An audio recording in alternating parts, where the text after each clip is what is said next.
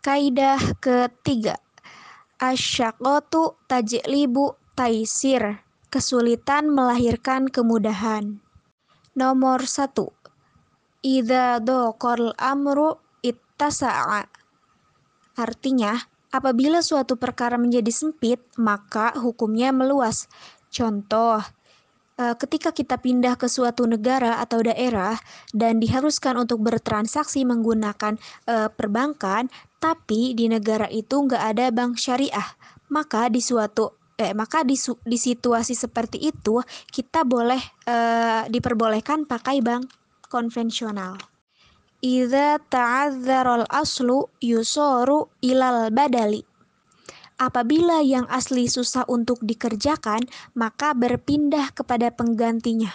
Contoh, kita punya uang untuk berhaji, tapi kita tidak mampu untuk mengerjakan haji tersebut karena kita sudah tua atau lumpuh. Maka kita boleh untuk mencari badal haji kita dengan meminta orang lain untuk menggantikannya. Nomor 3. Mala yumkinu taharuz minhu ma'fu anhu. Apabila tidak mungkin menghindarinya, maka hal itu dimaafkan.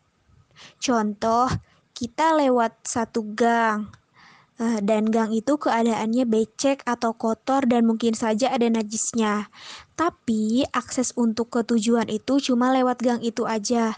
Maka kita diperbolehkan uh, lewat gang itu selama aksesnya cuma itu saja. Nomor tiga ma la yumkinu taharuz minhu ma'fu anhu. Apabila tidak mungkin menghindarinya, maka hal itu dimaafkan. Contoh, kita lewat satu gang, dan gang itu keadaannya becek atau kotor dan mungkin saja ada najisnya.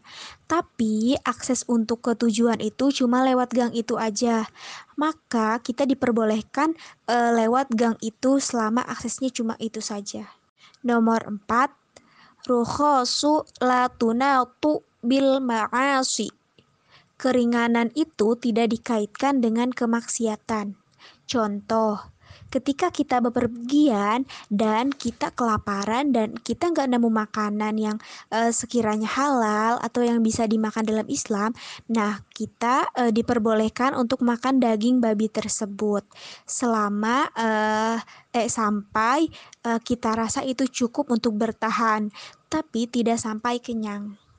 Nomor 4 Rukhosu la tunatu bil ma'asi Keringanan itu tidak dikaitkan dengan kemaksiatan.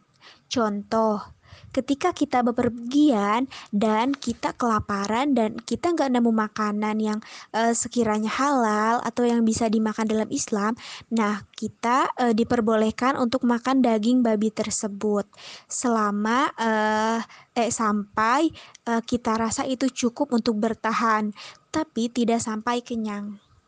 Nomor 5 Idza ta'adzarat haqiqatu yusoru ilal majazi. Apabila satu kata sulit diartikan, maka kata tersebut berpindah kepada kiasannya. Contoh, ketika kita uh, hendak membeli uh, sesuatu, contohnya deterjen, kita bilangnya uh, bukan beli deterjen tapi kiasannya yaitu rinso. Nomor 6. Idat ta'adzara i'malul kalami yuhmalu.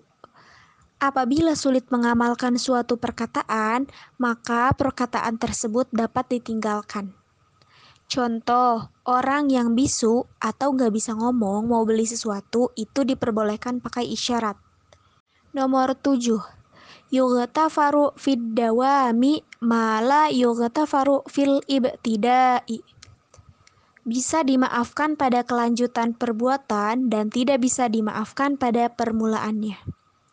Contoh, orang yang menyewa rumah diharuskan membayar uang muka uh, oleh pemilik rumah tersebut apabila sudah habis waktu penyewaannya.